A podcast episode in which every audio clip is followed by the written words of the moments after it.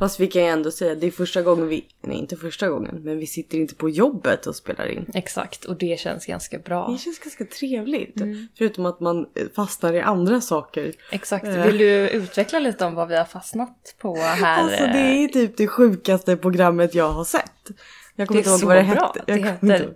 Naked Attraction. Alltså, man får alltså se nakna personer. Nej, de ska välja. En person får se nakna personer. Utifrån det ska de välja vem de ska gå på dejt med. Ja, men inte, de får inte bara se dem rakt upp och ner utan de har sex personer framför sig. Stegvis bara. Stegvis avslöjas olika delar av de här sex personernas kropp och vid varje steg så måste eh, deltagaren då välja bort en.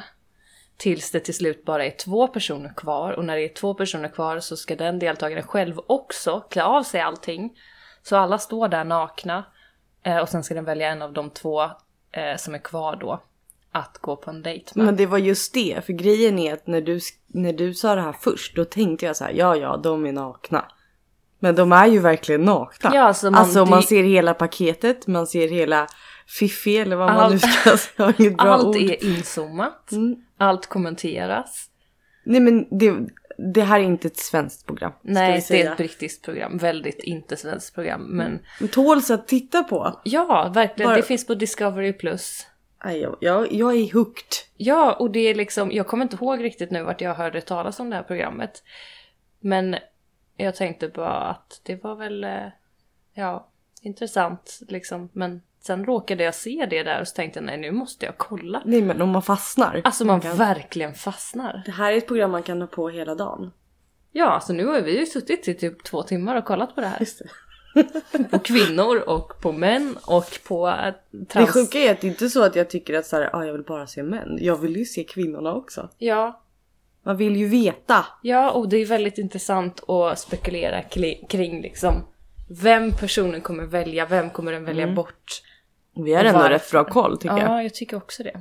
Det var några där och sen i slutändan visade det sig att de ändå valde varandra fast Ja. de valde inte varandra i programmet. Nej, Eller exakt. han valde inte henne i programmet. Han hade henne och en till tjej kvar Ja. på slutet och han valde den andra tjejen. De gick på en dejt, det blev inte något.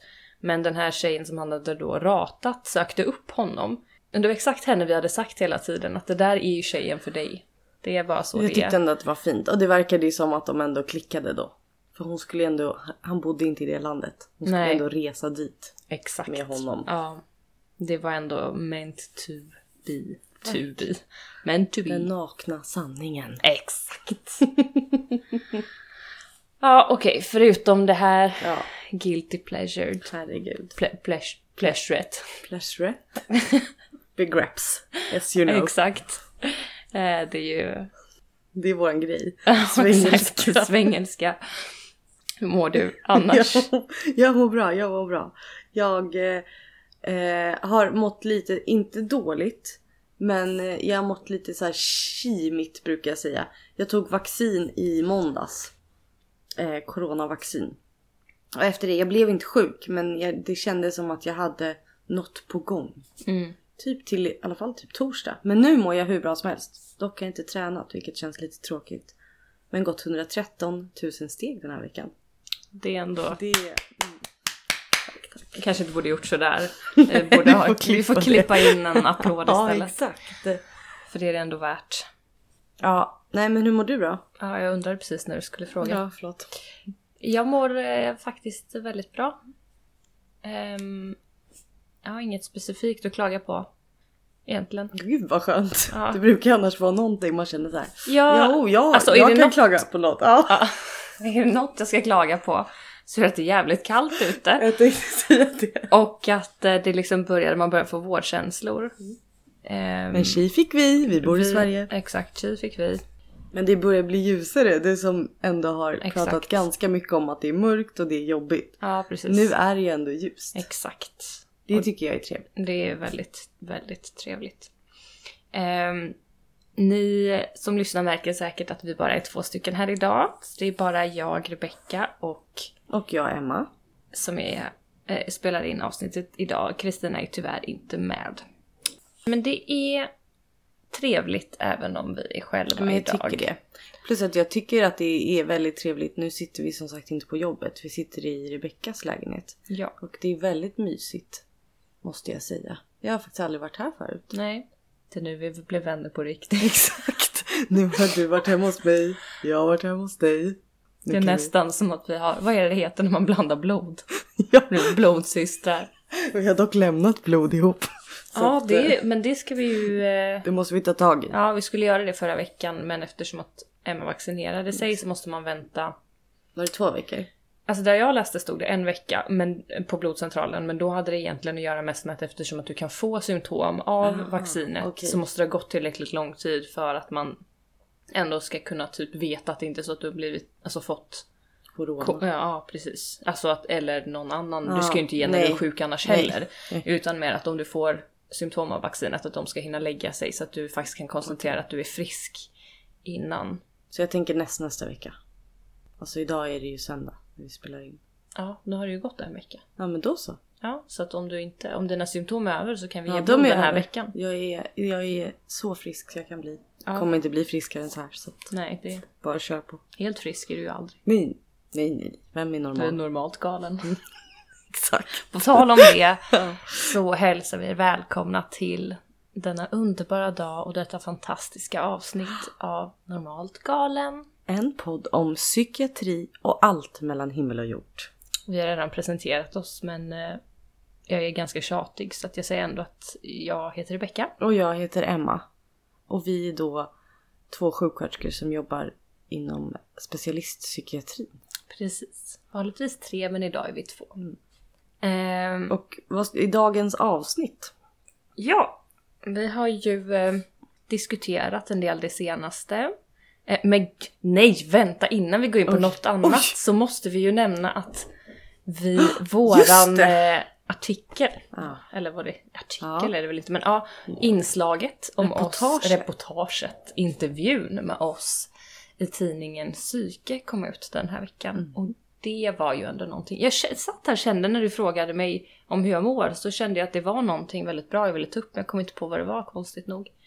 Det var jättekonstigt för den var väldigt, väldigt bra. Ja, även om det var några små faktamissar Ja. som nog var vårat fel. Det var det. Men, eh, men där är vi med i alla fall. Och om ni eh, är lite nyfikna på att kika på den så har vi lagt upp den på våran Instagram. Normalt galen understreck podcast. Precis. Och de som då, jag tänker om man, för det som var i den, eh, det reportaget, det enda var att det stod inte att vi har till exempel ett, ett Instagram. Så om man har liksom googlat vårat namn normalt galen och hittat till Spotify såklart. Så kan ni också gå in på Instagram och gilla, dela och följa oss. Exakt. Så det har ju ändå ramlat in lite nya, för, både följare och lyssnare. Eh, och nu vet jag ju inte om det har med eh, psyke att göra Nej. eller om det är något annat. Men det är väldigt kul hur som helst i alla fall. Så vi hälsar er hemskt välkomna hit. Ja, precis. Och nu då, dagens ämne. Ja. Babom. Jo, det jag skulle säga innan. Gud. Nej, nu är jag, Nej, nu är jag tillbaka på det jag skulle säga Ja, när jag ja, kom på att jag ja. först ville prata om psyke. Ja. Ja, det jag skulle säga var att vi har ju diskuterat lite det senaste och kommit fram till lite nya eh, idéer och sådär. Mm. Och idén som vi kommer börja med från och med idag är en liten, eh, kan man kalla det typ serie kanske? Mm, det kan man göra. Eh, om myter inom psykiatrin. Ja. Så inte myter om psykiatri, utan myter inom psykiatrin. Ehm, och det här baserar sig egentligen, vi har fått idén från en... Vad hemskt att jag inte har hemsidan framför mig nu och vet vad den Ja. heter. Mm. Vi får kanske, vi kan lägga upp det på Det kan vi lägga upp. Instagram För, ja, i, precis. ehm, Ja. eller i beskrivningen eh, när vi släpper avsnittet. Men där är i alla fall en lista på olika myter, jag tror att det är sju stycken, Mm. eh, som är vanligt förekommande inom psykiatrin som jag är säker på att alla som har haft, framförallt om man har jobbat inom psykiatrin så har man hört de här. ja, Det är bara en tidsfråga exakt. när man har hört dem i någon form. Det blir man nog rätt varse, eller va, det blir man varse om rätt fort Mm. tänker jag när jag läste dem. Att det finns också olika läger i olika myter och vad folk säger. Absolut. Ehm, så den här serien, den kommer inte nödvändigtvis vara eh, liksom sju veckor eller sju avsnitt på rad nu utan det kan hända att det kommer andra avsnitt in emellan men det kommer ändå vara ett återkommande koncept att vi kommer ta upp de här myterna Mm. en i taget. Och vilken myt ska vi diskutera idag? Men idag, och alla var ju intressanta men den här kändes ju som den låg oss varmast om hjärtat på något sätt. Ja, helt vi klart liksom- en av dem i topp. Precis, så att vi eh, valde myten som heter patienter är manipulativa.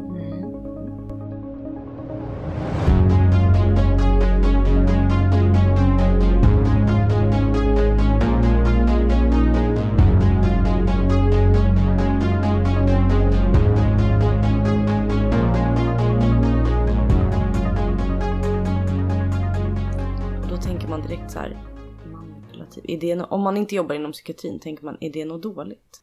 Om det är dåligt, men du menar om det är dåligt att vara manipulativ? Ja, precis. Exakt. Alltså om du bara hör ordet och inte funderar liksom om man bara tänker ordet manipulativ.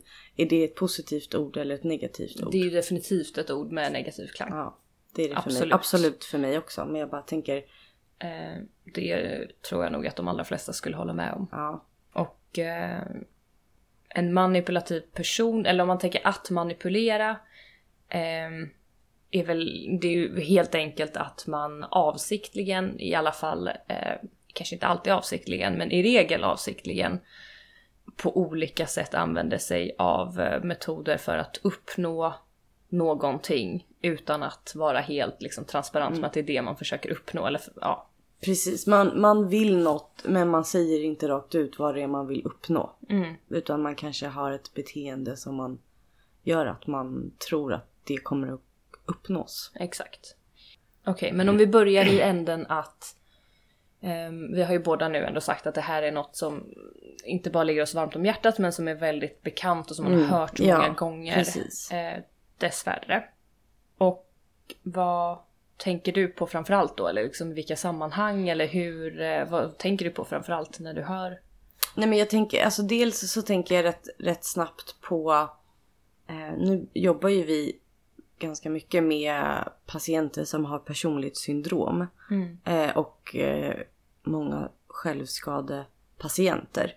Och det är framförallt där jag tänker att, att jag har hört det, att man blir eh, att personal säger att ah, men de, eh, de manipulerar, de hittar bara på, de, eh, de ljuger. Eh, det är inte sant det de säger eller, liksom, eller det de gör eller de har ett manipulativt sätt. Det är nog där jag tänker först och främst att jag går tillbaka till det. Att de liksom, att man skulle av ondo göra sig själv till exempel illa för att uppnå någonting som jag, man då är, som personal tycker att det inte stämmer. Eller förstår du hur jag tänker? Ja, för det var det som var min nästa fråga annars. Att, v- vilka typ av beteenden eller situationer tycker du känns vanligast förekommande att höra den typen av kommentarer? Men jag tänker ofta om det, det kan ju vara patienter som man kanske, ja men eh, man kanske går en promenad, man sitter och pratar, man, man, man liksom spenderar rätt mycket tid med den personen. Och sen så går man iväg och så en kvart senare så har den personen till exempel skurit sig, vi säger det. Då är det ju ofta man får höra det av, av personal att ett, att de kanske gjorde, de gjorde det för att jävlas med den personen. Att man känner sig liksom personligt kränkt över att, den, den, att patienten har skurit sig för att man har ju tagit en promenad med dem eller man har ju spelat kort med dem så länge. Eh, och det är ofta i sådana situationer tror jag där man där man kanske ger mycket uppmärksamhet och sen tycker man att det spelar ändå ingen roll för att jag Det räckte uppenbarligen gjorde det ingen skillnad. Mm. Fast man, det gjorde säkert det. I stunden gjorde det ju det. Mm. Att man, inte, att man glömmer bort det utan man blir liksom Ja men man blir ju lite kränkt. Mm. Som personal. Ja, och när du säger man så vill jag bara betona att eh, det gäller verkligen inte alla. Nej nej nej nej men alltså de som säger så exakt. tänker jag är de som blir det. Jag kanske inte skulle, det, jag kan absolut säga att patienter hittar på om det är något jag tänker så här, fast det här känns inte troligt. Men just sådana situationer eh, är, är jag rätt duktig på att så här, distansera mig själv ifrån och säga så här, fast det har inte med mig att göra. Exakt. Eh, till exempel att den personen själv skadade just då. Ja, Ja. Jag skrattar inte åt det jag sa, jag skrattar åt att Rebecka harklar sig mer nu än och har sagt till mig att inte Ja, sig. fast jag väntar ju tills det blir en paus så att jag kan klippa bort harklingen. Ah, okej. Du harklar ju när folk pratar så att det är omöjligt för mig att klippa bort. Det är sant. Det är en skillnad. Jag satt och höll inne harklingen tills du skulle liksom... Proffsigt. Jag vet. Ja. Och nu dricker jag också cola vilket det är liksom sputumbildande. Alla bara åh. Pain Ja. nurses. Ja. Men tillbaka till ämnet. ja, förlåt. Men hur, va, va, var förlåt, det var jag som avbröt. men hur tänker du? Alltså förstår du? Känner du igen det jag berättar? Absolut. Och eh, jag tänker lite på tal om alltså det jag sa precis. Gud, vet du vad jag har tänkt på det senaste när jag Nej. lyssnar på våra avsnitt? är hur ofta jag säger på tal om. Och efter jag la märke till det så känns det som att jag bara säger det mer och mer. Och det är jättehemskt att jag säger det nu för nu kommer alla som lyssnar tänka Ja. på att jag säger på tal om hela tiden. Aldrig tänkt på det. Att Nej. du säger så. Nej, varför sa jag det nu? Ja. Du har aldrig tänkt på det, ingen annan har tänkt på det, nu kommer alla tänka på det. Jag Ja. måste klippa bort det här med. Nej, nej, nej, det här ska vara kvar. Ja, okej. Så att folk börjar fundera. De kommer räkna och skicka in. Det kommer bli som i How I Met Your Mother, du vet när Robin har det här, de har drinking game av att hon säger um, när hon Exakt. intervjuar. Så varje gång hon säger det så tar de en shot. Så kommer det bli när ni, eftersom att ni nu, eh, vi har konstaterat att vi släpper avsnitt på lillördag, så när ni sitter förfestar och lyssnar på vår podd så bara få tala om ah shot! Och då får ni gärna, då får ni gärna tagga oss i en story. För det behöver vi se. Innan Ja. ja. Jag måste försöka hålla fokus. ja, förlåt. Sluta säga förlåt hela tiden. Det är kvinnofällan. Be om ursäkt hela Och tiden. nu tänker jag säga. Förlåt. Va? Jag tänkte säga det igen. Förlåt.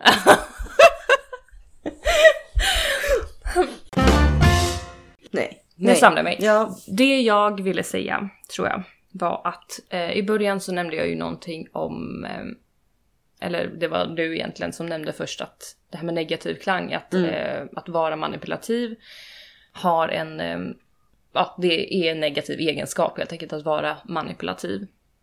Eh, Medan jag tänker att manipulation överlag är någonting som alla människor använder sig av eh, utan att för den sakens skull beskrivas som en manipulativ person. Eh, jag tror att vi alla förhoppningsvis kan vara överens om att en manipulativ person är inte en bra person. Det är liksom inte ett trevligt personlighetsdrag eh, om det är något som genomsyrar ens personlighet. Medans eh, manipulation är någonting vi alla människor gör i vissa situationer där vi av något skäl eh, anser oss ehm, ja, det kan ju vara antingen att man eh, själv upplever att man har goda avsikter, eh, men att de, den andra personen kanske inte kommer förstå det till exempel. Eh, och då tänker jag ju exempelvis på eh, vi som personal, när vi, vi gör ju jättemycket i vårt jobb som skulle kunna klassas som manipulation. Eh, I vissa gånger. Mm, Eftersom ja. att vi eh, arbetar med sjuka personer som det liksom ligger i sjukdomens natur många gånger att man för tillfället inte riktigt eh, kanske antingen förstår vad som är bäst för en eller man själv inte vill det som är bäst för en för att man mår dåligt eh, etc. Och då genom olika metoder, när vi, det kan ju vara allt ifrån att försöka liksom övertyga någon om att ta en medicin som den inte vill ta. Eh, eller genom att det här som vi kallar eh, i något avsnitt att deala och wheela. Eh, det här att man liksom, Mm, ja. ja men typ patienten vill gå ut och röka. Eh, finns det något sätt där vi kan komma överens om att du får gå ut och röka om vi, vad det nu kan vara, kommer inte på något bra exempel men eh, kommer överens om att det här och det här och det här. Mm, eller, ja, ja, så.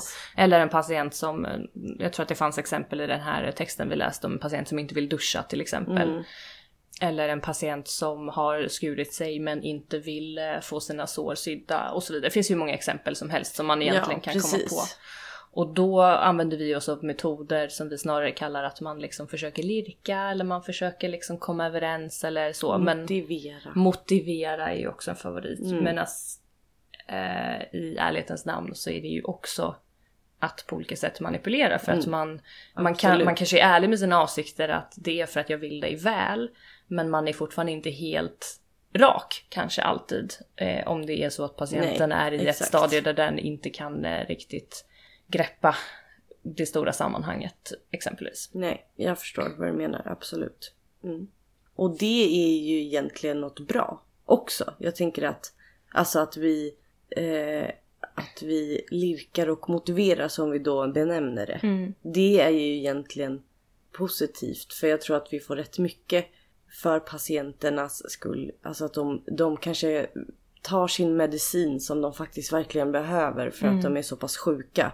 Och att de skulle bli ännu sjukare om de inte gör det och att vi också eh, från, ja men då kan vi ta in från vårt tvångsavsnitt att vi liksom, vi förebygger för att vi inte ska behöva använda oss Exakt. av andra metoder som gör att vi tvingar någon utan det här blir mer överens, ja men vi wheelar och dealar som Exakt, liksom att man säger på, att, på längre sikt vill patienten väl. Vilket gör Precis. att man på väldigt kort sikt och precis i stunden behöver till viss del använda sig Ja. av något man skulle kunna kalla för manipulation. Men det är man kanske inte alltid lika medveten om. Eller de flesta är kanske Nej, mindre inte man- medvetna om det. Och jag tror framförallt att personer som är benägna att benämna patienter som manipulativa väldigt sällan skulle se det på det sättet jag tror aldrig de omvänt. skulle erkänna att det var så. Nej, jag tror, aldrig att, eh, jag tror många aldrig har tänkt på det och om de skulle få det presenterat för sig så skulle de nog inte erkänna utan hitta... De skulle inte Ursäkta. hålla med, exakt, de skulle nog verkligen inte hålla med om att det var en form av manipulation. Nej, Nej. jag tänker att för det är så pass stor skillnad Mm, enligt dem då. mm, Liksom. mm, För det tänker jag också att man har, eh, alltså man har läst många studier. Jag har skrivit både min kandidat och magister om eh, självskadepatienter framförallt. Och då har jag ju läst många artiklar just om attityden gentemot de här patienterna. Alltså dels vad, hur sjuksköterskor upplever de här patientgrupperna och hur patienter upplever eh, vårdpersonal. Och de flesta patienter, alltså när de har berättat så är det att de, det spelar ingen roll vad jag säger eller vad jag gör för de tror, tycker ändå att jag eh, hittar på och eh, manipulerar.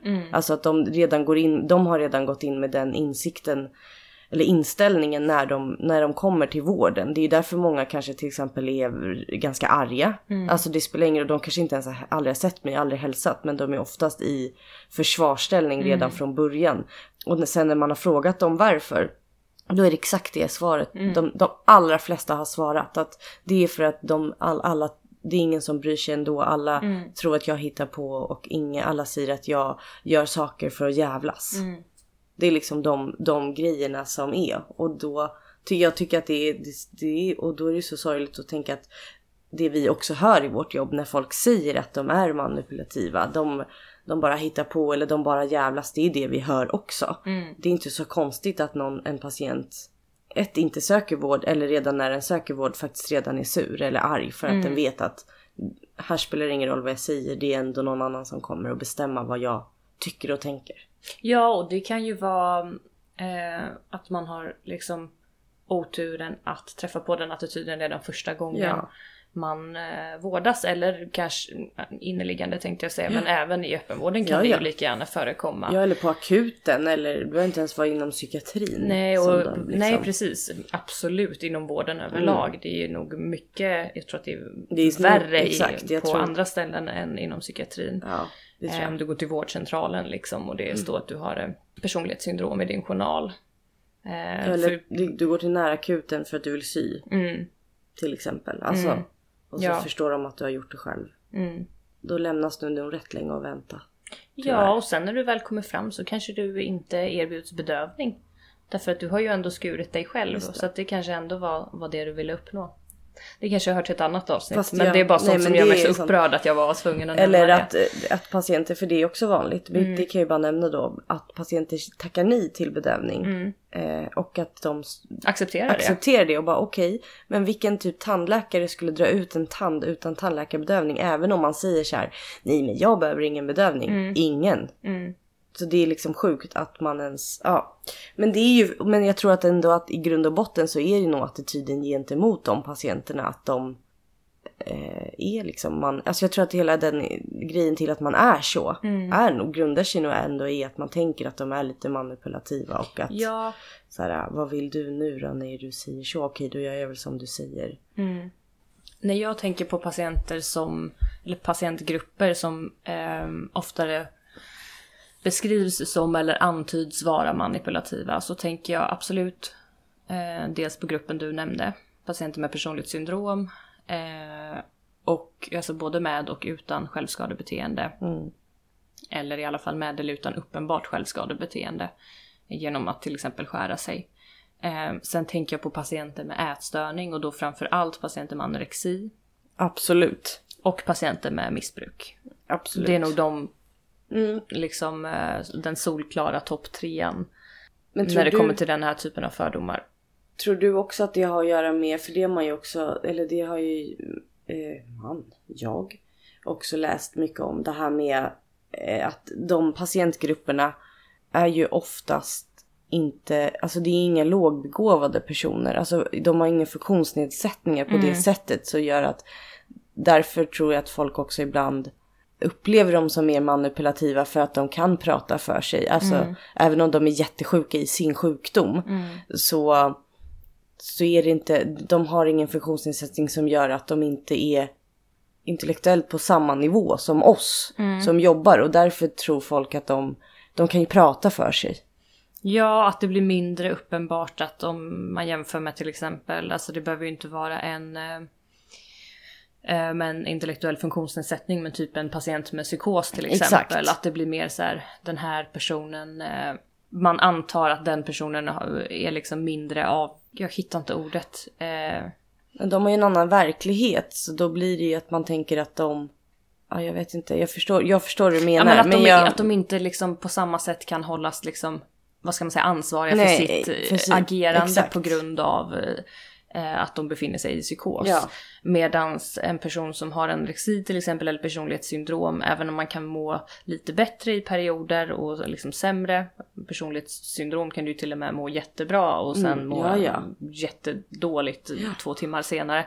Eh, men att man där, eh, att det lidandet inte är kanske lika synligt och uppenbart som för någon som har eh, väldigt eh, uppenbara psykotiska symptom till exempel. Ja, och jag, jag, tror, för jag, tror, och jag tror att det är svårare att alltså, sätta sig in i den personen. Alltså slidande. Alltså som, en, som du säger, psykos där är det kanske mer uppenbart att alla ser att personen är jättesjuk och att man liksom... Men att en, en person som självskadar, det är så långt bort från, från mig så att jag kan inte relatera vilket gör att jag blir bara irriterad istället. Jag menar inte mig personligen när jag säger jag. Jag tänker mer att jag pratar mer om att så här, utifrån att det är så långt bort i att man tänker så här, men du är ju du, du, du har ju ett normalt liv. Varför, varför skär du? Varför mår du dåligt? Att man inte riktigt kan se Man kan inte se rimliga skäl nej, till, till, eh, varför man skulle må det är dåligt. inte proportionerligt liksom nej, eh, utifrån. exakt. Ja, vet inte. Det kanske var ett jättesidospår, men Ja, nej men alltså det här med att det är ett mänskligt beteende att manipulera. Och det är ju inte bara hos oss som vårdpersonal utan det är ju någonting Nej. som vi som, som alla gör om man upplever att man har ett liksom, behov som behöver bli eh, tillgodosett på något sätt. Ehm, men man liksom vet inte riktigt hur man ska gå tillväga. Eh, och det är nog snarare ofta det som det står för när patienter och då egentligen tänker jag oavsett vilken patientkategori eller patientgrupp att det är det det handlar om. Eh, för jag tänker oavsett om det är en person då med eh, personlighetsproblematik eller med självskada och det handlar om eh, jättemycket självhat. Mm. Det kan handla om ångest, det kan handla om liksom självbestraffning eller alltså det finns ju många olika anledningar till att man kan självskada, det är ju inte alltid eh, samma. Så är det ju någonting ändå som man upplever sig inte kunna hantera på något annat sätt. Och i den, för en, en vanlig kommentar sådär i koppling till liksom att det är manipulativt, det är ju den här klassiken med att de gör det bara för att få uppmärksamhet. Vilket ju, eh, om man eh, försöker sudda bort liksom den negativa eh, undertonen där så kan det ju absolut handla om att få uppmärksamhet. absolut. Men det handlar inte om att man är liksom uppmärksamhetskåt på något sätt om vi ska an- använda Nej, ett nej, sånt nej, exakt. ord. Utan det är ju någonting man försöker kommunicera som man inte vet hur man ska kommunicera på ett annat sätt. Eh, om det, ja, som sagt, det finns olika skäl till att, att självskada men, men en vanlig anledning är ju just det att du har ett så pass stort lidande som du inte vet hur du ska hantera och du kanske inte kan heller liksom Alltså då tänker jag liksom inom slutenvården. Mm, mm. Du kanske inte klarar av att gå dit och säga till att du behöver prata med någon. Att du behöver någon hos dig. Eller du tänker att du ändå inte är värdig. Det är ändå ingen som kommer vilja ta sig tiden. Det finns andra som behöver den bättre. Men någonstans omedvetet så vet du ju ändå att om du skär dig så kommer någon komma till dig och någon kommer ja. plåstra om dig och du kommer få någonting som du själv inte klarar av att be om. Handlar det om uppmärksamheten bara för uppmärksamheten i sig? Nej, självklart inte. Um, men för det vet jag, det är ju sånt som, mm. som jag kommer på även nu, flera patienter som har mm. beskrivit det på ja, det ja. sättet för mig. Och det är väl någonting som man skulle kunna klassa som manipulation eh, om man räknar bort den onda baktanken, mm. för det finns ja. det ju givetvis ingen. Nej, precis. Eh, och likaså då om man tänker en liksom, patient med anorexi till exempel som håller på där och ska eh, diskutera och Eh, kring maten, olika alternativ och vill byta ut och vill liksom senare lägga och vill eh, och så vidare och så vidare. Och så vidare. Mm. Eh, att det skulle handla om manipulation på det sättet att som du var inne på i början där är man med för att liksom jävlas med ja, någon eller nej, för att vara precis. till besvär. då är man väldigt fel ute. Att det ja. skulle handla om någon annan överhuvudtaget. Nej, det handlar ju om den egna sjukdomen. Och själva sjukdomen anorexi är manipulativ. Men den är ju manipulativ mot personen den drabbar. Ja. Eh, och inte mot omgivningen. Det är ju personen den drabbar som blir liksom lidande för att bli manipulerad av sin egen sjukdom. Ja, och då, bortom kontroll. Och då tänker jag att så här, um, om man då tänker sig att om man, myten är alla patienter är manipulativa. Eh, då tänker jag att så här, nej, det är ju inte sant. Men om man nu upp, patienter som upplevs som manipulativa då måste man ju fundera på, som du har varit inne nu på, det är det jag menar, att så här, vad är det som gör att den här personen upplevs manipulativ? Alltså vad ligger bakom? Mm. Ja men typ som det du berättar med anorexia eller det med, eh, ja men vi säger att, eh, att en patient eh, har, man har varit ute och gått med, som jag sa, man har spelat kort, man har liksom tillbringat rätt mycket tid och sen så går man därifrån en kvart och ändå så självskada dem. Att man på något sätt tänker att så här, men det handlar ju inte om manipulation i den bemärkelsen att att jag, jag ska visa er nu för jag vill ha något annat, jag vill ha mm. uppmärksamhet. Men som du säger, det är ju ett rop på hjälp någonstans. Eller mm. att man manipulerar sig till att få stanna på avdelningen. Alltså man skulle bli utskriven men det var liksom bestämt. Mm. Men sen så manipulerar man sig till, om de nu som Eh, man kan, folk kan uttrycka det till att få stanna en vecka till säger vi. Mm. Det säger ju också rätt mycket om så här, vad är det som gör Alltså varför, varför alltså som, som vanlig frisk person vill man ju vara i sitt hem. Mm. Alltså då är man ju rätt skör som person om man inte känner att man kan gå hem. Mm. Sen kan man ju ibland behöva så här, det är inte så att vi kan tillgodose och, och, även om vi tar reda på att så här, den här personen är jätteosäker på att gå hem eller vi, ja men att man kanske inte ska tillgodose det. Den personen kanske ändå behöver gå hem och se mm. att det går att komma över det. Det mm. går att eh, komma vidare eller så. Men att, eh, att man ändå får se bakom och inte bara stanna vid. För jag tror att det är det som blir problemet när man nu säger att så här, ah, alla, de är bara manipulativa. Att man stannar vid det. Och sen mm. går man inte och funderar på, ja men vad är det som gör att det här beteendet är så? Som, som anorexian. Mm. Det är ju inte personen i sig som vill sitta och jävlas med den som sitter framför som sitter matvaket. Mm. Utan det handlar ju om att det är ju ångest för den personen det här med maten. Mm. Liksom. Alltså återigen det här vi pratar om att man inte ska ta saker så personligt. Exakt. För att det blir, det, då, då står man inte ut heller. Nej det alltså gör man om man skulle ta allt personligt liksom. Men att man också tänker på att men jag, jag, har så, jag, har så svårt att, jag, jag har så svårt för just det där äh, söka uppmärksamhet eller ja men det gör man ju. Mm. Alltså det gör ju patienterna kanske.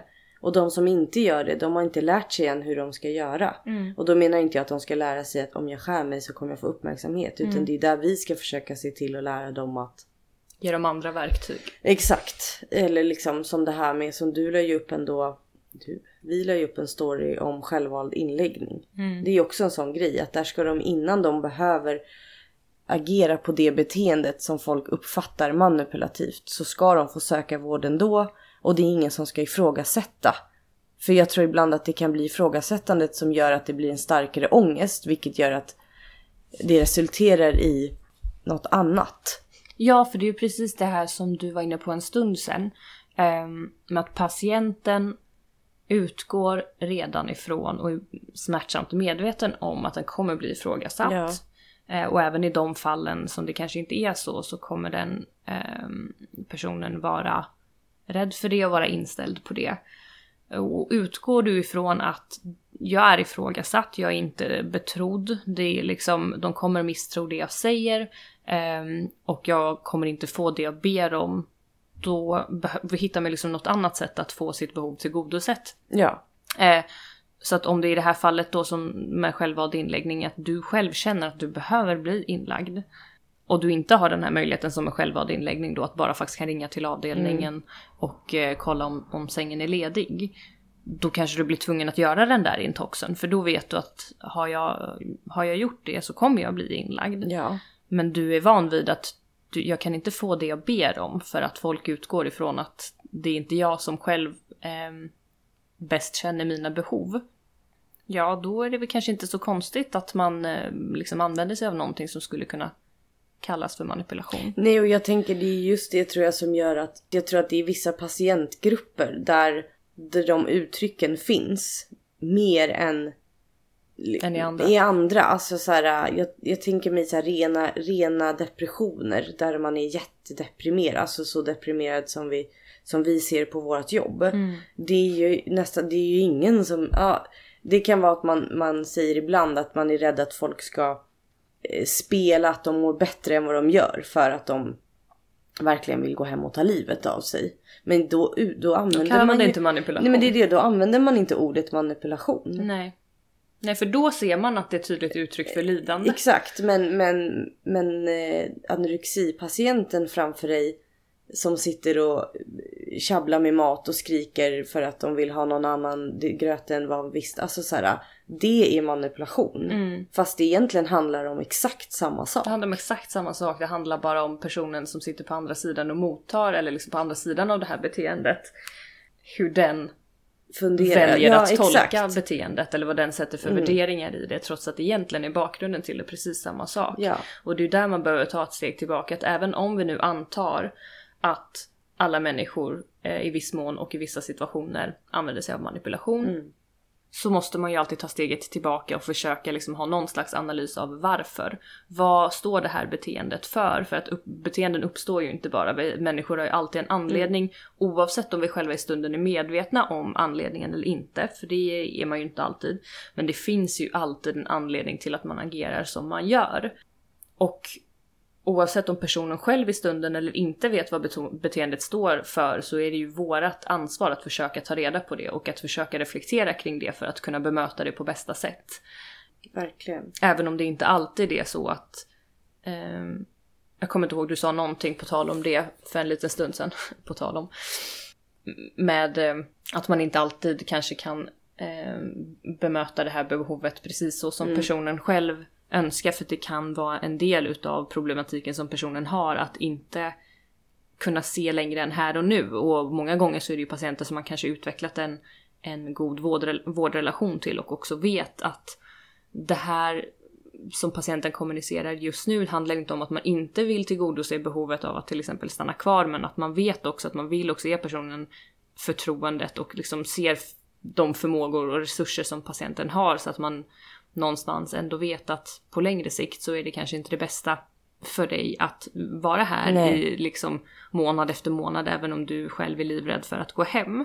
Um, sen handlar ju det självklart då om att det ska finnas liksom resurser för att ta, ja, på något sätt att det ska finnas stöd för patienten när den inte är inneliggande och det Absolut. är ju något man kan prata mycket om ja. som ofta brister vilket gör att patienter kommer tillbaka men, men just det här med att se bakomliggande skäl till, till beteendet. Ja, och det är därför jag tänker att... Inte bara stanna vid att det är en manipulativ Nej, person för att det, då blir det bara väldigt dömande, ytligt och eh, väldigt, väldigt dålig vård. Ja, och då tänker jag att det, det, då tänker jag att så här, ja, alla människor är, är ma- manipulativa. Alltså på något sätt från och till i vissa situationer. Men att jag tänker att det vore ju bra i just vårdkontexten att liksom plocka bort det ordet. I så fall kan man använda andra ord än just manipulation. Alltså så här, Mm.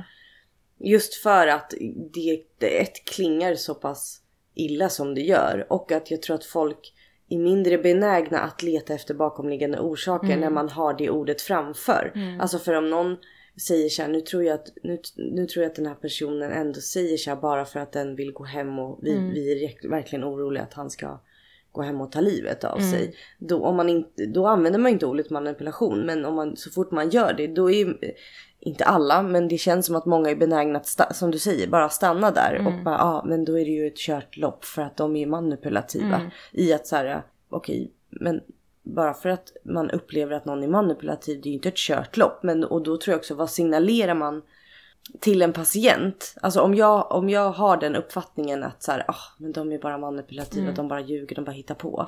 Hur bemöter jag den personen sen? Ja, Alltså även hur professionell jag än försöker vara. det så kommer är min lysa grund... Ja men det är ju det, för Mm. min grundkänsla är ju inte genuin. Nej. Och då, då tycker jag ofta, ibland tänker jag det när jag har hört många samtal, tänker så här, varför håller du inte bara käften? Mm. Alltså varför ber du inte någon annan prata med den? För det är uppenbarligen så att du, du tror inte ens på det du säger. Mm. Och även om man inte alltid behöver tro på allt man säger till patienter så måste man ju genuint ändå känna att ja, men jag, tror, jag står här och tror på dig. Ja, exakt. Alltså sen liksom, vi är ditt vikarierande hopp som vi har sagt någon annan gång. Och det måste man ju, som vårdpersonal inom psykiatrin, då måste man tro på det. Annars ska man inte jobba där. Nej, så är det. Alltså, punkt tänkte jag säga. Men alltså det, jag kan bli riktigt upprörd när jag pratar om just sånt. Och då är det ju framförallt, men det är ju för att jag har läst eh, så mycket om just självskadepatienter. Men att jag ibland tänker så här, men varför vill folk jobba med de här patienterna då? Om man, om man ändå tror det. Alltså om man uppenbart har den Uppfattningen. ja, varför, varför är du kvar på den arbetsplatsen där vi vårdar sådana patienter? För det blir ju aldrig bra. Alltså jag har aldrig sett någon som, som raljerar så och sen har, har, har en bra relation- på lång sikt med Nej. en sån patient. Nej. Utan det är ofta de som kommer i clinch för att patienterna är inte knäppa, dumma i huvudet. Nej, det är klart att de tolkar, fattar oavsett ju. vad du säger så kommer det ju ändå signalera en känsla av att eh, av en värdering liksom, Ja. av deras beteenden. Alltså, Exakt. eh, det kommer de ju känna av.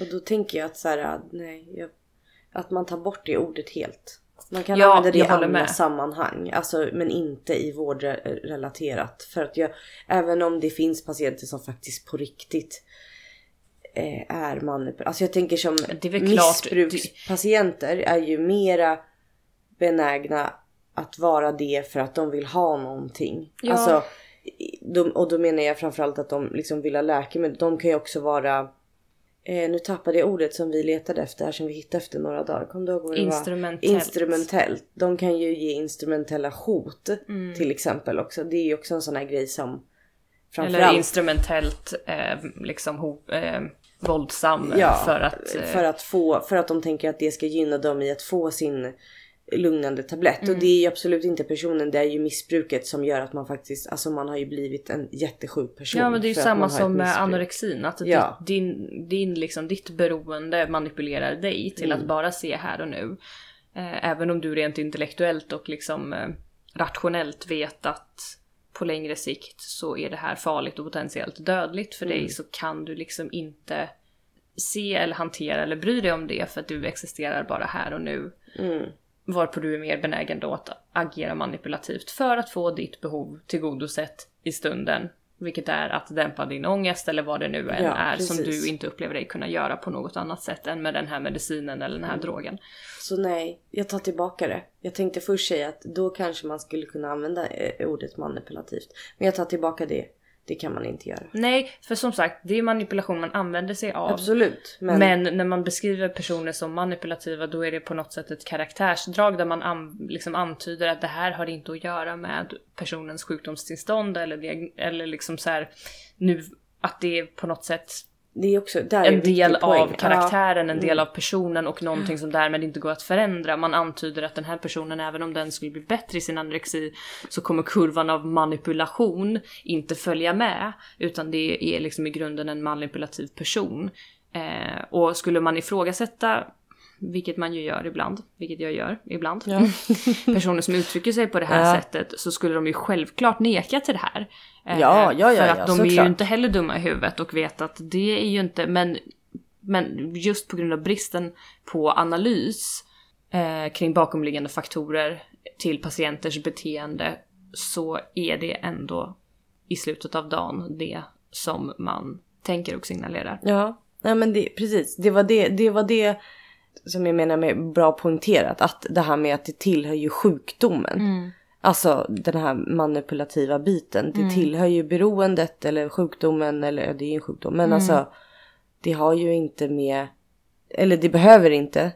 Och framförallt oftast inte så har ju inte det med, med personligheten att göra. Utan det har ju med sjukdomstillståndet Nej, och det är väl klart göra. att det, men det är liksom så uppenbart att det inte ens behöver sägas att precis som jag sa i tvångsvårdsavsnittet att läkare varken är bättre eller sämre människor än alla andra så gäller det såklart patienter. Det är klart att bara för att man är en Ja. patient inom psykiatrin så är man ju inte automatiskt en bra människa. Det är väl klart att det finns Såklart. manipulativa Ja. personer inom psykiatrin precis som på alla andra ställen men de är absolut inte överrepresenterade. Nej. Nej exakt. Jag tror att de är med, om, om man skulle mäta det på något sätt, vilket skulle vara helt omöjligt, så det här är bara mina, så tror jag absolut att det skulle finnas mer manipulativa personer bland personalen. Absolut, än bland patienterna. Ja, för, ja, gud ja. Alltså ja, ja, alla dagar i veckan. Det tror jag. Så att vi kan ju ändå komma överens om att, det, att just eh, ordet manipulation och manipulativ. Det känns inte som ett ord som hör hemma Nej, i, det är förlegat. Det är i psykiatrin. skit. Ja, alltså Bu. sen kan man eh, tycka liksom, men just använda det ordet. Det tycker jag att det slopar vi. Det är ändå 2021 nu, vad fan. Mm, ja, jag håller med. Snälla. Så hela mitt resonemang kring att alla människor använder sig av manipulation står jag för. Ja. Men därmed inte sagt att jag tycker att man ska beskriva ehm, Patienters patienter än- beteende med det Exakt. ordet. Exakt. Men det, och det tror jag har också, det tror jag också har att göra med att ja, alla människor är manip- manipulativa. Det kommer vi aldrig komma ifrån. Men, men eh, det betyder ju som du säger, det betyder ju inte att alla i psykiatrin är manipulation, manipulativa personer när de inte är sjuka. Lika mycket som, som att du och jag säkert har manipulationssidor. Manipulativa sidor. Alltså det har ju alla. Ja. Fråga min man. Hur mycket manipulation jag Så kör med hemma. Ja exakt. För att få honom att röra. På, På, röra på. för, För att, för att röra dammsugaren exempelvis. ja, Hemma. exakt. Det, det var det jag ville säga. Det lät som att det. var något annat. Ja. Jag var tvungen att flika in och Ja. man bara Vad fan menade hon? Jag, jag skulle säga röra ett finger i hemmet. Men sen tänkte jag det kanske var lite väl hårt som att han gör ingenting. Nej det är sant. Men han gör saker men ibland behöver man också berätta. Ibland vad behöver man manipulera göra. honom till att göra lite mer. Exakt. Precis. Ja, Mm. Så är det Ja. bara. Det är faktiskt sant. Men det här var ju en av, en, som sagt det här är en av sju myter. Mm. Eh, så det kommer ju komma, komma fler Mm. avsnitt om de andra myterna.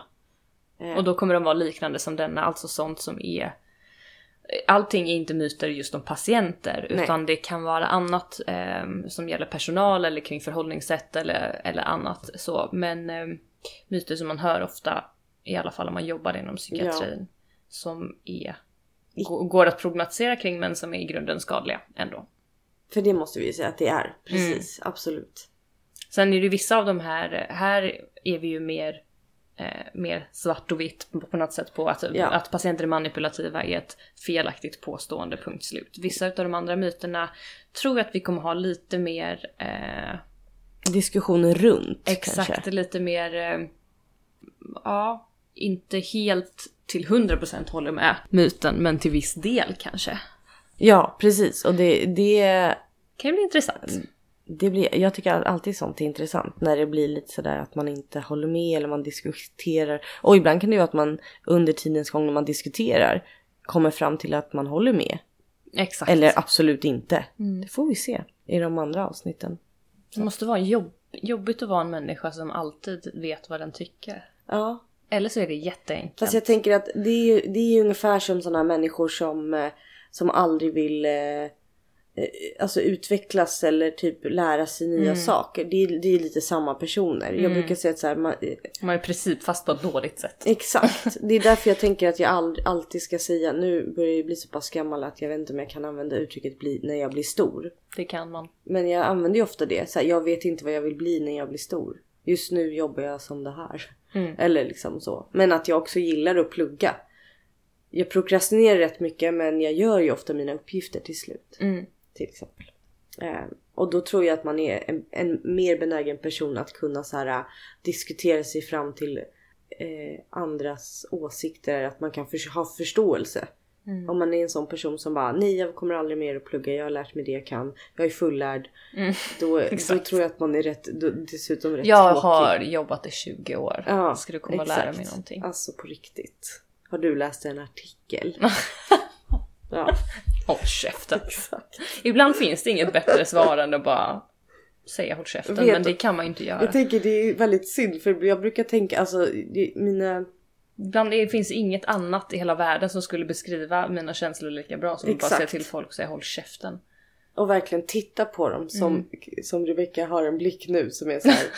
vad fan. Ja, alla fattar. Jag tror alla förstår blicken att man bara Exakt. eller att man bara vill fnysa och vända på klacken och gå.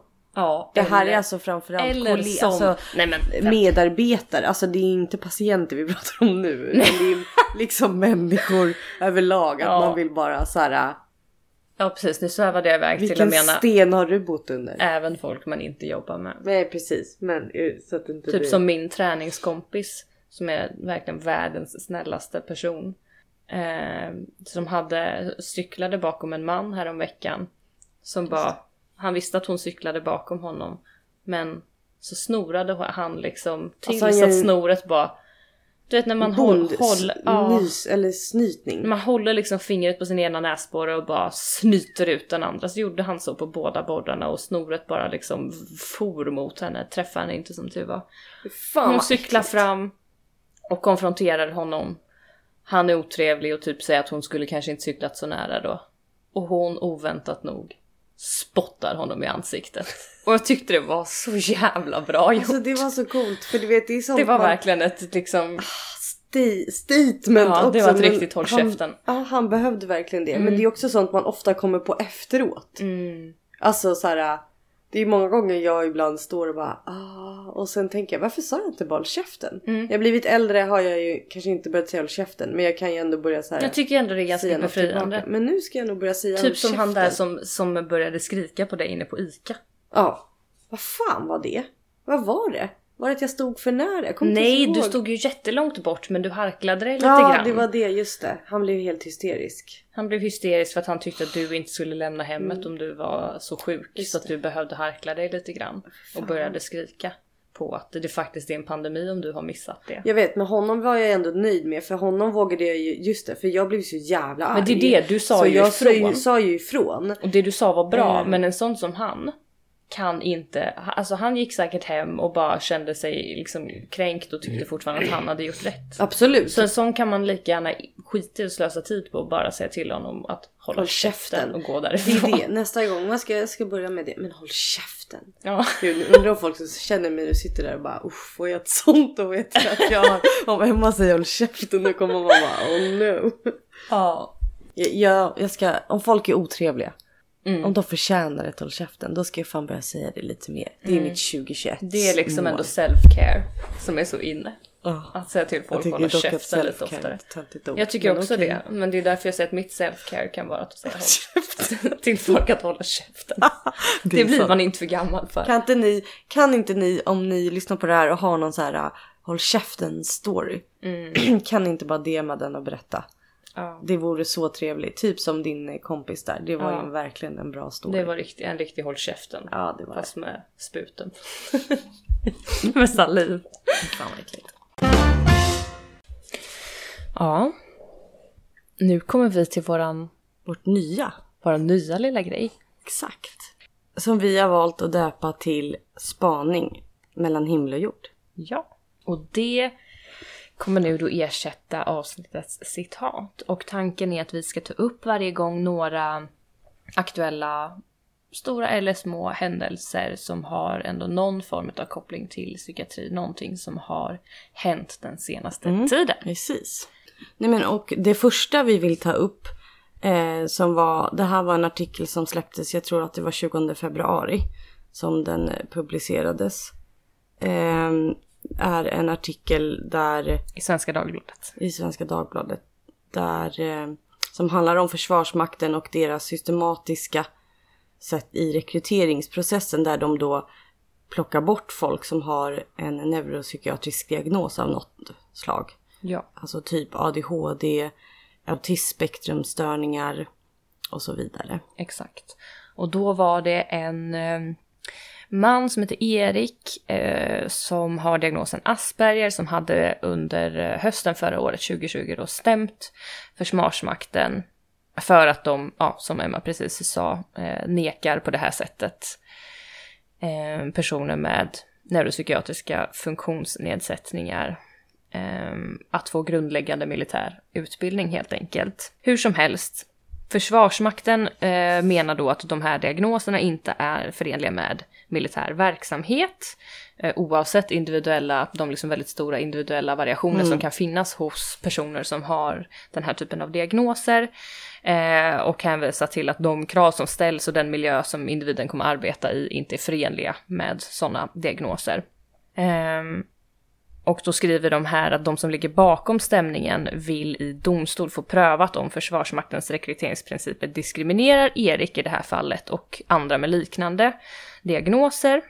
Men istället så betalade då Försvarsmakten den begärda ersättningen till Erik, alltså från stämningsansökan, och slapp därmed en prövning av den faktiska frågan, alltså om det rörde sig om diskriminering eller inte.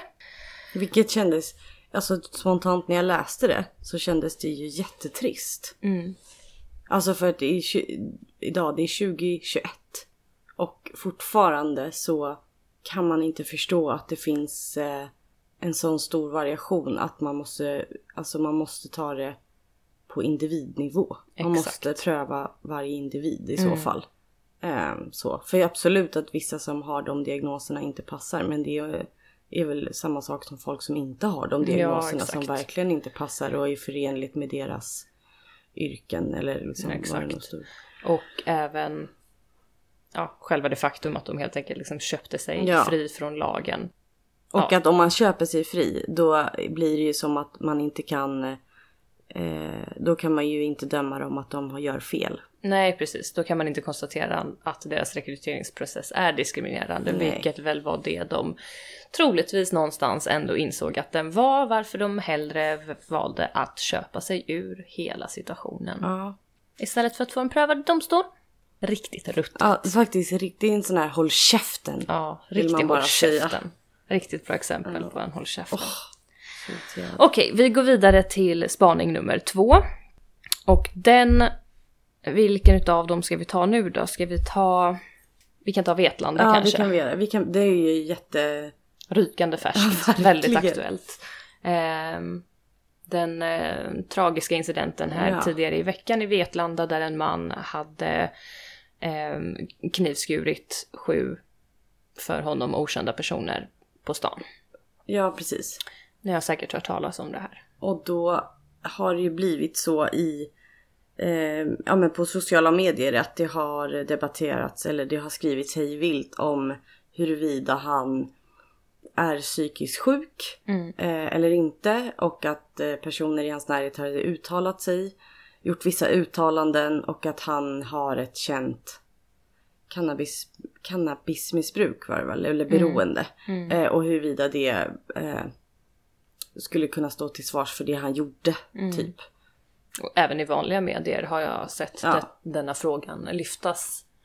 Eh, vilket har lett till vilda spekulationer Exakt. på, i sin tur då på sociala medier. Eh, vilket ytterligare i sin tur, som så många andra gånger, spär på fördomarna kring personer med psykisk sjukdom och Exakt. psykisk... Det är så tråkigt att det blir så. Alltså så att man, för det är ju återigen då att man förknippar folk som lider av psykisk sjukdom eller ohälsa att Det är de sammanhangen som de får synas. Nu vet vi Eh. Exakt. inte ens om det var så i hans fall, men om det nu var ja, så. precis. Nej och det blir ju det också tänker jag att man vet ju inte ens. Alltså Nej, det här är ju exakt. Mm. bara spekulationer. Vi, vi, han har inte ens genomgått någon, någon ut, alltså undersökning, ingenting. Det är ingen Nej. som vet. Nej, exakt. Eh, och ändå så blir det en bild som målas upp Mm. i media att han är psykiskt sjuk. Exakt.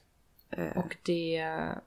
Känns ju så jäkla tråkigt att Ja, det faktiskt alltid är så att så här, det är då man skriver om psykisk sjukdom. Mm. När sådana här dåd, jättehemska, jättetragiska dåd händer. Exakt.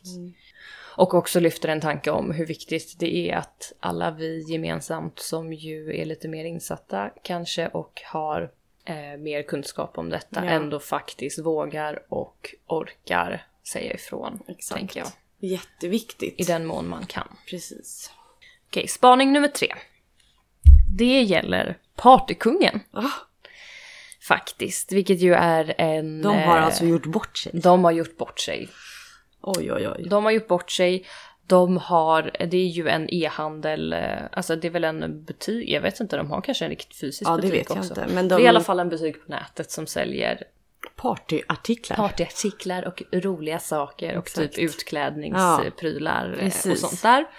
Och nu så är det så att de har blivit eh, anmälda till Diskrimineringsombudsmannen och det är då en intresseförening eh, IFS heter de, Intresseföreningen för schizofreni i Göteborg som anmälde företaget till, förlåt inte Diskrimineringsombudsmannen, eh, det ska såklart vara Reklamombudsmannen. Eh, och varför hade de gjort det? Jo, för att de hade en t-shirt med texten som löd Förr var jag schizofren, men nu mår vi bra. Och dessutom har partykungen då i produktbeskrivningen eh, skrivit Vad skönt att höra. Hur många tröjor behöver ni? En eller två. Alltså så jävla lågt. Jag tycker... otroligt osmakligt. Ehm, och då tycker ju IFS då, har skrivit i sin anmälan att det är att förlöjliga och göra sig lustig över sjukdomen. Ehm, och vänder sig starkt mot att ordet schizofreni används just på det här sättet eftersom att schizofreni inte är en personlighetsklyvning, vilket är en vanlig missuppfattning. Eh, ja, helt enkelt. Och partykungen blev faktiskt fällda tycker jag är så bra. tycker också det är så himla bra. Eh, och vi passar på att nämna också i samband med detta att detta är någonting som hade mm, IFS då hade fått vetskap om eftersom att de har startat ett projekt som heter Stigma Watch som bland annat syftar till att verka för korrekt rapportering om psykisk sjukdom i svenska medier. Så det är också ett tips Bra. att gå in och kolla på. Verkligen. Ni googlar Sigma Watch så kommer ni in på deras sida och kan se eh, månadsbrev där de tar upp eh, vissa grejer. Och det kan vara både bra och dåliga händelser. Om hur psykisk eh, sjukdom och kopplat till det eh, ja, porträtteras i våra medier. Det tycker jag var jättebra. Då blir jag glad ändå att de blev fällda. Exakt. Håll käften till partykungen också. Exakt. Riktigt håll käften. Ja, det var ehm, den, de tre spaningarna för den här gången. Ja, precis. Och man får ju gärna tipsa om man har någon spaning. Verkligen. Tycker jag. Väldigt gärna. Eh, DMa på våran Instagram normalt eh, understreck podcast. Normalt galen understreck podcast. Varför kan jag inte lära mig det där? Ja. Ja, precis. ehm, och det här var ju allt för oss den här gången. Exakt. Så vi får tacka så jättemycket. Ni får ta hand om varandra tills vi hörs nästa gång. Exakt. Eh, ja, ha det så Ja. bra tills dess. Hej då! Bye bye!